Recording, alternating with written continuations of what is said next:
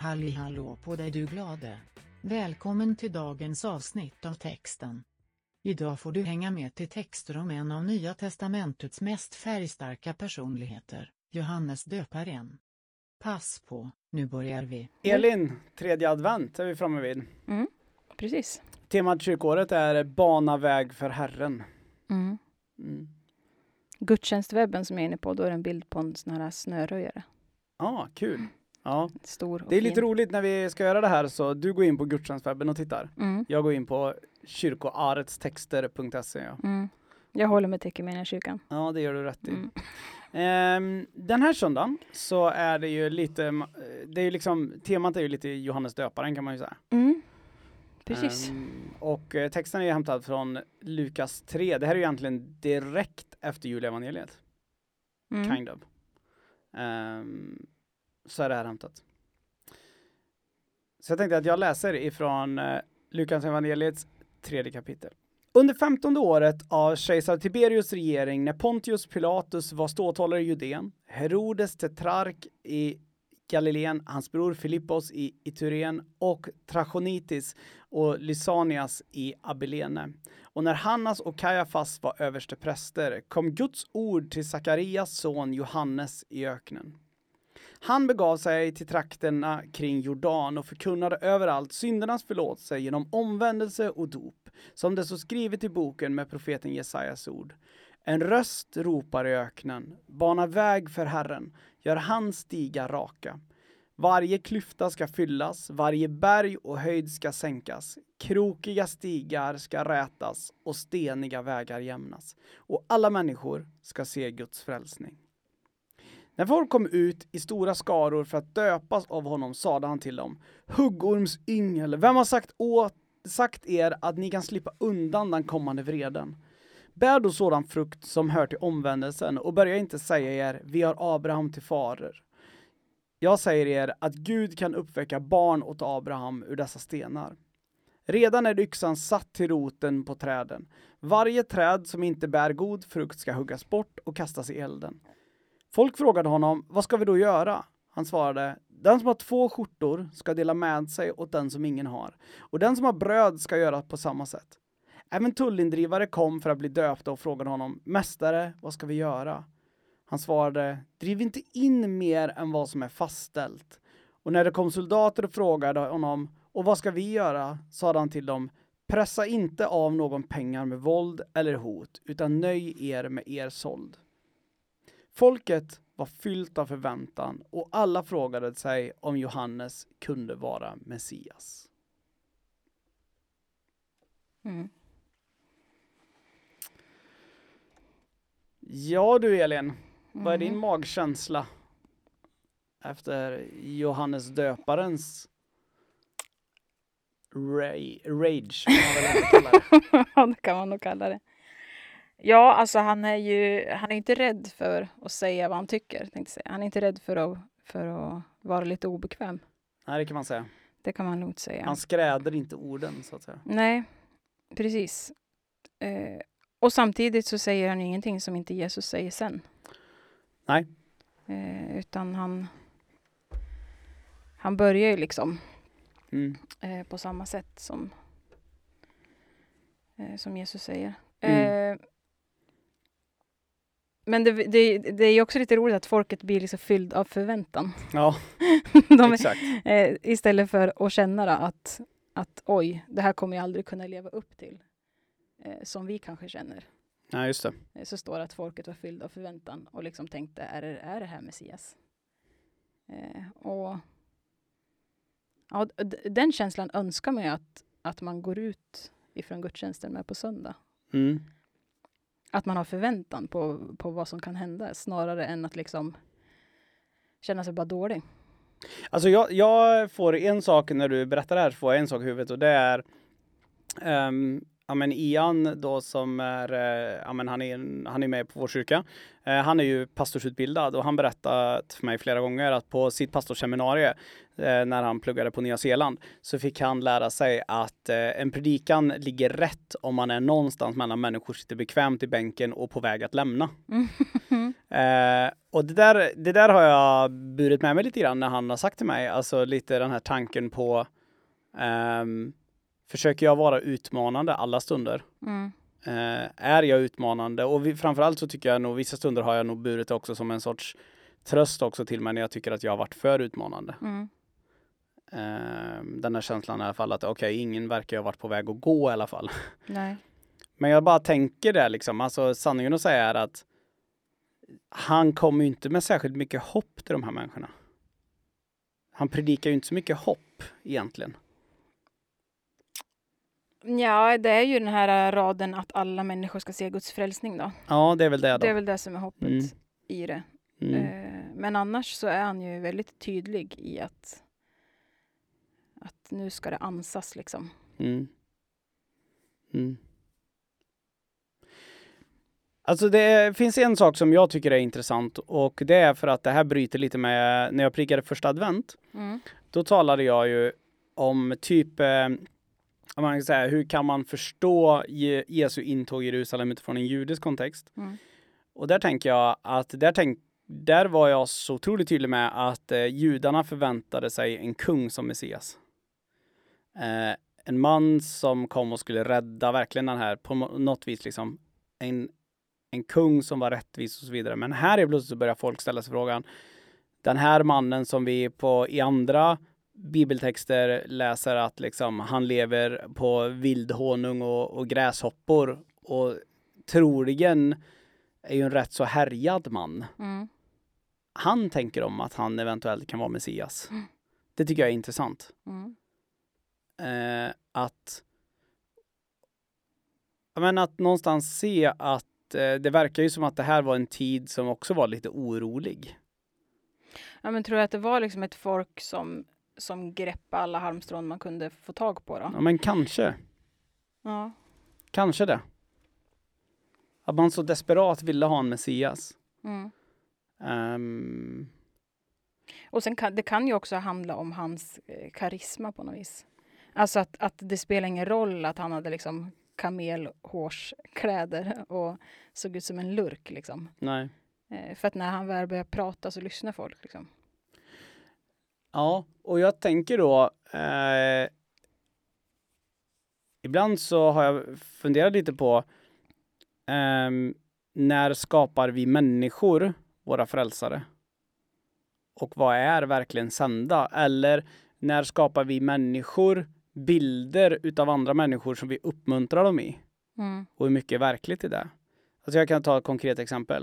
Eh, en sak jag brottades med tidigt, eh, det var hur mycket utav min pastorskallelse till exempel. Hur mycket utav det var att människor sa åt mig att jag skulle bli pastor. Just det. Och hur mycket hade jag själv hört. Ehm, och det är samma sak, liksom, jag kan se med flera vänner som har berättat för mig, liksom, typ så här, "Ja, men jag, jag blev sjuksyrra för det fanns inget annat alternativ. Jag har aldrig tänkt något annat. Mm.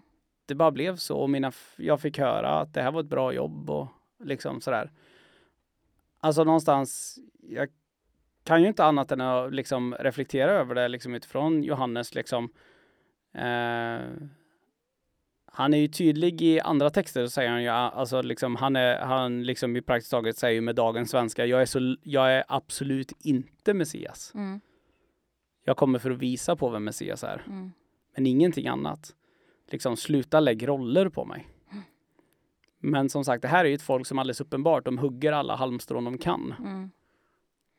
Jo, men och på något vis i de andra texterna så är ju han väldigt trygg i vem han är. Mm. För att han har ju på något vis, alltså Johannes döparen har liksom levt med det ända sedan han låg i magen. Liksom. Ja, just det.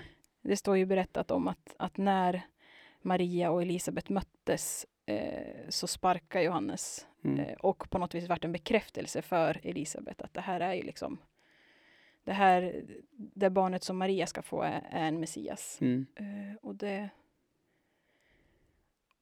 Jag menar, alltså, han måste ju ha varit så trygg i sig själv också om han har levt med det jämt på något Mm. vis. Mm. Att då spelar det ingen roll vad, vad folk försökte lägga på honom utan att han, han bara, han visste ju att han var en vägröjare, han var inget annat.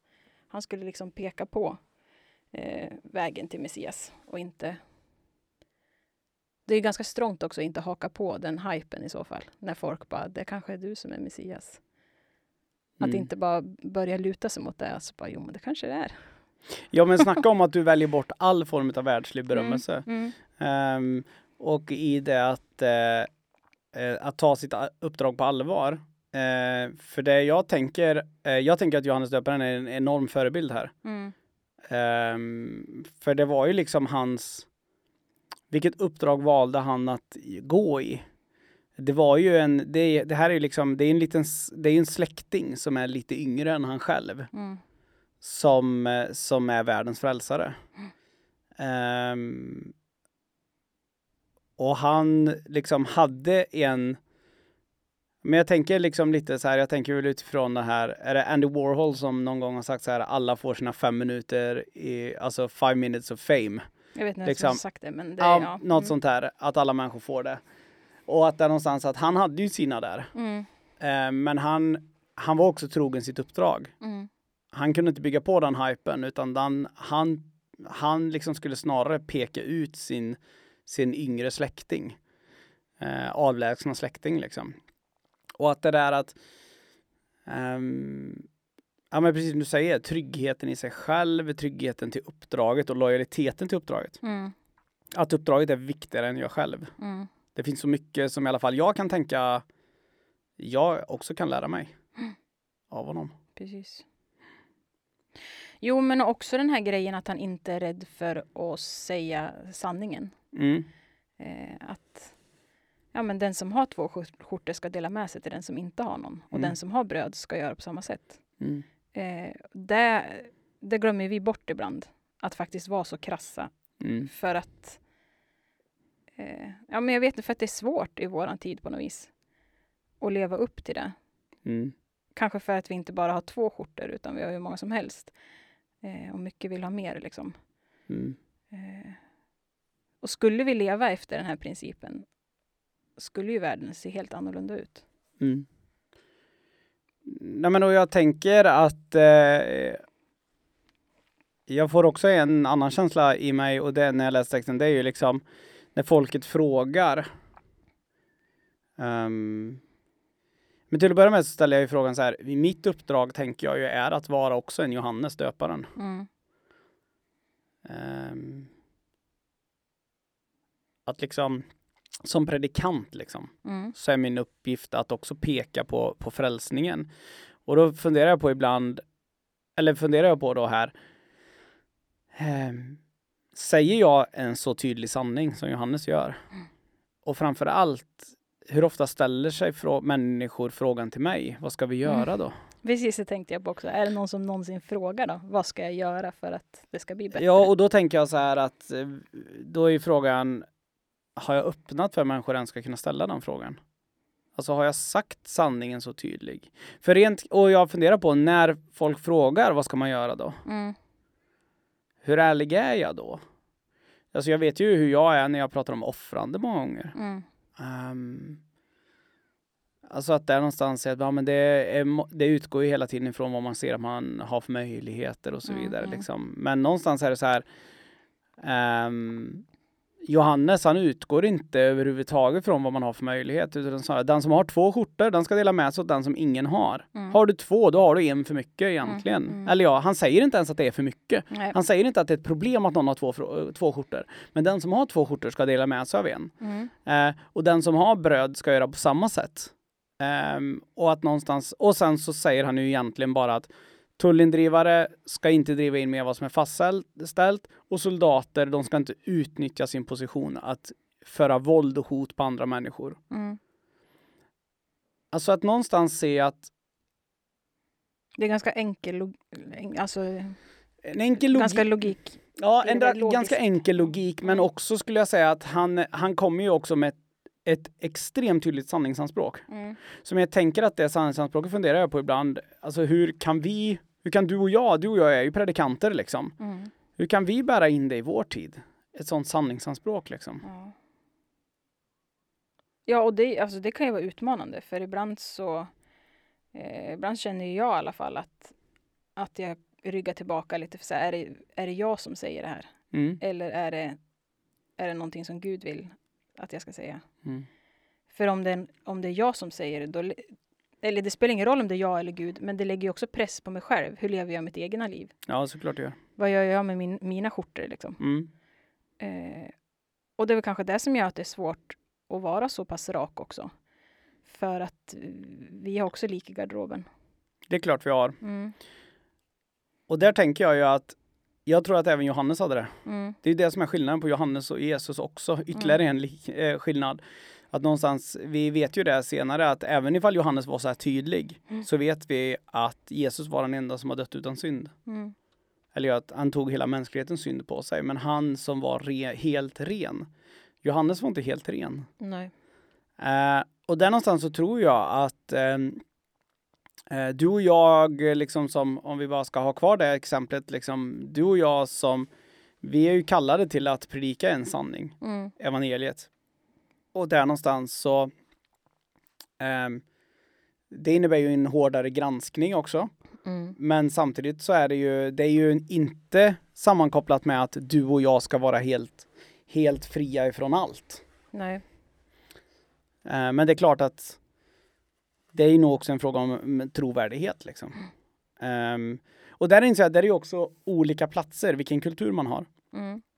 Men jag menar, det finns ju, det finns ju kulturer i världen där man förväntar sig att en pastor ska få, alltså en pastors i, i, vär, i värv är så viktigt så de ska få leva i rikedom. Mm. Liksom. De ska inte sakna något materiellt liksom. Ja, men jag tänker på många av de här Nigeria-pastorerna typ liksom, som är rika som troll liksom. Eller liksom amerikanska tv-pastorer. Det finns ju människor som motiverar det. Även Mm. ifall jag har svårt att få ihop det. Jag fattar inte den.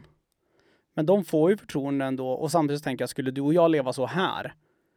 Då tänker jag att vi inte skulle ha särskilt mycket förtroende. Nej, precis. Mm. Nej. Om, du, Nej, ja, Ja, nej, kör. Vad tänkte du? om du skulle predika den här texten. Mm. Det har Vad, jag gjort. ja. ja, vad skulle du gå in med för inställning? Eh. Om du tänker att du, du ska predika, eh, du, du ska ju till och med predika tredje advent. eh, jo, men det ska jag ju. Mm. Mm. vad, vad, liksom så här lite från magen liksom. Vad skulle det vara det du skulle ge dig på tror du?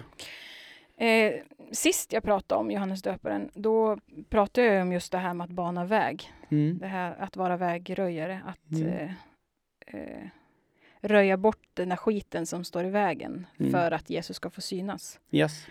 Eh, och på något vis är det kanske lätt att ham- hamna i att man vill slå på den spiken eh, just för att det är det som är temat. Mm. Eh, men den här veckan vet jag inte riktigt vad jag tänker. Om jag tänker att jag ska liksom gå in i, ja kanske i, i hur, hur rak han är. Alltså Mm. det där, ass- alltså vad, vad ska vi göra då? Mm. Eh, alltså vad Johannes faktiskt pekar på att vi kan göra för att vara med och räta krokiga stigar liksom. Mm. Jag tänker också så här, de människorna som är runt Johannes här, Mm. de är också föredömen tänker jag. I För att de- de frågar eller? Mm. Ja. De känner, de erkänner Johannes som kallad. Mm. Och med det här sagt så kan det låta lite förmätet, att som att jag tänker att människor kommer till oss och fråga. ja, jo. Jo, jo, men alltså du fattar vad jag Ja, menar. ja, men ödmjukheten i det, men någonstans så tänker jag ju så som jag ser, och det här har du och jag pratat om flera gånger, men eh, det är ju så jag har använt mina pastorer jämt, Mm. genom hela mitt liv. Eh, jag förväntar mig ju liksom att, min, inte att min pastor ska ha svar på alla frågor, men att någonstans se så här, jag har ju lutat mig rätt mycket åt mina pastorer. Mm. Ehm, jag tycker att det är för jag tänker att du och jag, vi är inga speciella människor, men vårt uppdrag, vi är ju kallade till någonting. Mm.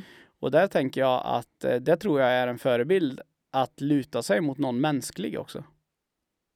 Någon som... det brukar Cissi Hagevik säga ibland. Så här, om du behöver någon av kött Mm, som kan liksom på något vis förmedla någonting eller hjälpa dig med det du brottas med. yes. Eh, eh, och det, det, jag tycker att det är en bra bild. Liksom. Att Mm. Det är klart att vi kan vända oss till Gud med alla de här frågorna vi har Mm, och att vi kan få svar från Gud också mm, eh, när vi ber. men ibland så behöver vi någon av kött. Eh, som vi bara kan ta spjärn mot liksom. Och jag ska vara helt ärlig för mig personligen. Jag har ju fått mer frågor från icke-tro, eh, människor som anser sig inte vara troende än vad jag fått utav troende människor. Vad ska man göra för att leva ett rättfärdigt liv? Eller liksom, hur ska man leva? Men tror du inte att vi är rädda för att ställa de frågorna just för att vi på något vis förväntas redan veta det? Ja, jag tror det. 100 procent. Fast ingen vet. Du och jag vet ju inte heller. Vi håller på att bolla de här sakerna och tar spjärn mot varann i vardagen också. 100 procent. Eh, nej, men jag tror det. Mm. Eh, jag tror eh, ibland så, och jag tror också att många gånger inom kyrkorna så tror jag att vi tänker att vi är så himla öppna. Mm. Eh, men vi är ruggigt slutna. Jo, lite rädda också för Ja, vad det blir för svar. Ja, ja, Alltså de, de här människorna som frågar, de kan inte ha varit så rädd för svaret för att de, de frågar ju vidare liksom. Mm. Eller de andra runt omkring fortsätter fråga. Mm. Eh, så att det kanske inte var så läskigt att bara få höra sanningen rakt ut. Eller Mm. få veta vad, ja, men hur ska jag förhålla mig till det här. Liksom.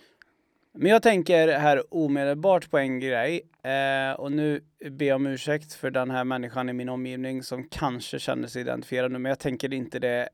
Det här är inget, det här är inget problematiskt att säga. Men eh, jag eh, var häromdagen här och gick en handledarkurs för att ta körkort. Mm. Jag ska övningsköra Mm. med en väldigt, väldigt god vän till mig. Eh, och där jag inser, där liksom när vi gick dit, hon inser bara, ja det kommer vara jag och 16-åringarna. Mm. Och då sa jag så här, ja men det här är ju, det är bara ett plåster att rycka. Det här måste ju bara ske nu. Mm. Eh, och någonstans, det är ju det här som står i vägen. Liksom. Ska man ta ett körkort så måste vi göra det här och så vidare. Liksom. Men jag tänker det liksom att någonstans se att de visste ju troligen vad som skulle komma. Mm. Eh, de visste att det kommer inte bara vara lite klapp på kinden, vad duktig du är. Men Han hade ju redan sagt att den trä, det träden som inte bär god frukt ska huggas bort och kastas Exakt. i elden. Och då blir det liksom, vad ska vi göra liksom? Och där någonstans så, någonstans i det här se att vissa jobbiga saker behöver vi gå igenom och då är det bättre att få sanningen Mm. än att få omhuldningen. Jag tänker också på en någon scen från någon så film där det, ja, men det är någon som ska få ett dåligt sjukdomsbesked. Där det är liksom, den här personen kommer rakt in till läkaren och säger bara ryck av det här nu. Mm. Jag vill inte ha några omhuldningar. Mm. Jag vill veta rakt ut hur illa är det här. Säg som det är Mm. och se, ge mig din prognos. Mm. Liksom. Har, jag, har jag två månader att leva, säg det. Mm. Liksom. Jag vill inte höra kanske ett halvår. Nej, precis. Liksom. Jag vill höra vad du tror. Och det där att faktiskt se att, eh, att tala sant till varandra.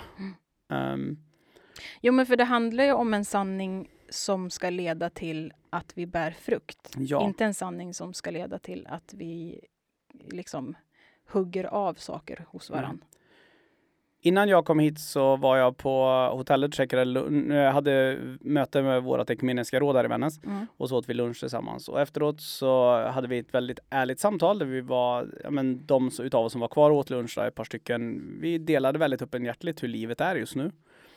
Ehm, och där så var det Kristina då som är pastor på EFS. Hon avslutade med att säga att, nej men alltså, som Thomas Sjödin säger, att det, alltså något av det liksom viktigaste för en människa är att komma till liksom frid med det lev, livet som är, blev ens liv. Mm. Eller det som är ens sanning. Mm.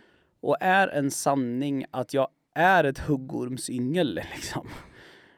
Eh, att jag, jag behöver få höra det som är illa med mig. Mm. Det är inte roligt att höra, ingen av oss vill höra det. Alla vill ju höra att vi är, kanske inte vill, men vi behöver. Ja. Mm. vi alla vill ju höra att vi är finemang. Mm. Men alltså sanningen att säga är att vi behöver höra någonting annat. Mm. Ehm, att någonstans se att, eh, och jag tror, jag tänkte också mycket på det där genom mitt liv, eh, vad, det har vi pratat om innan i podden, men, men eh, eh, det här med terapi, liksom, vad det har gjort för mig och vad är det jag har praktiserat mest i terapin? Ja, det är den brutala sanningen om mig själv. Mm. Och det är ju början till friheten. Mm. Sanningen ska göra er fria, var det någon som sa någon gång. Precis. Någon i Bibeln. Mm. Till och med det. Ja. Ska vi runda av med det? Jag tror vi rundar av med det. Mm. Tack för idag Elin. Tack, tack.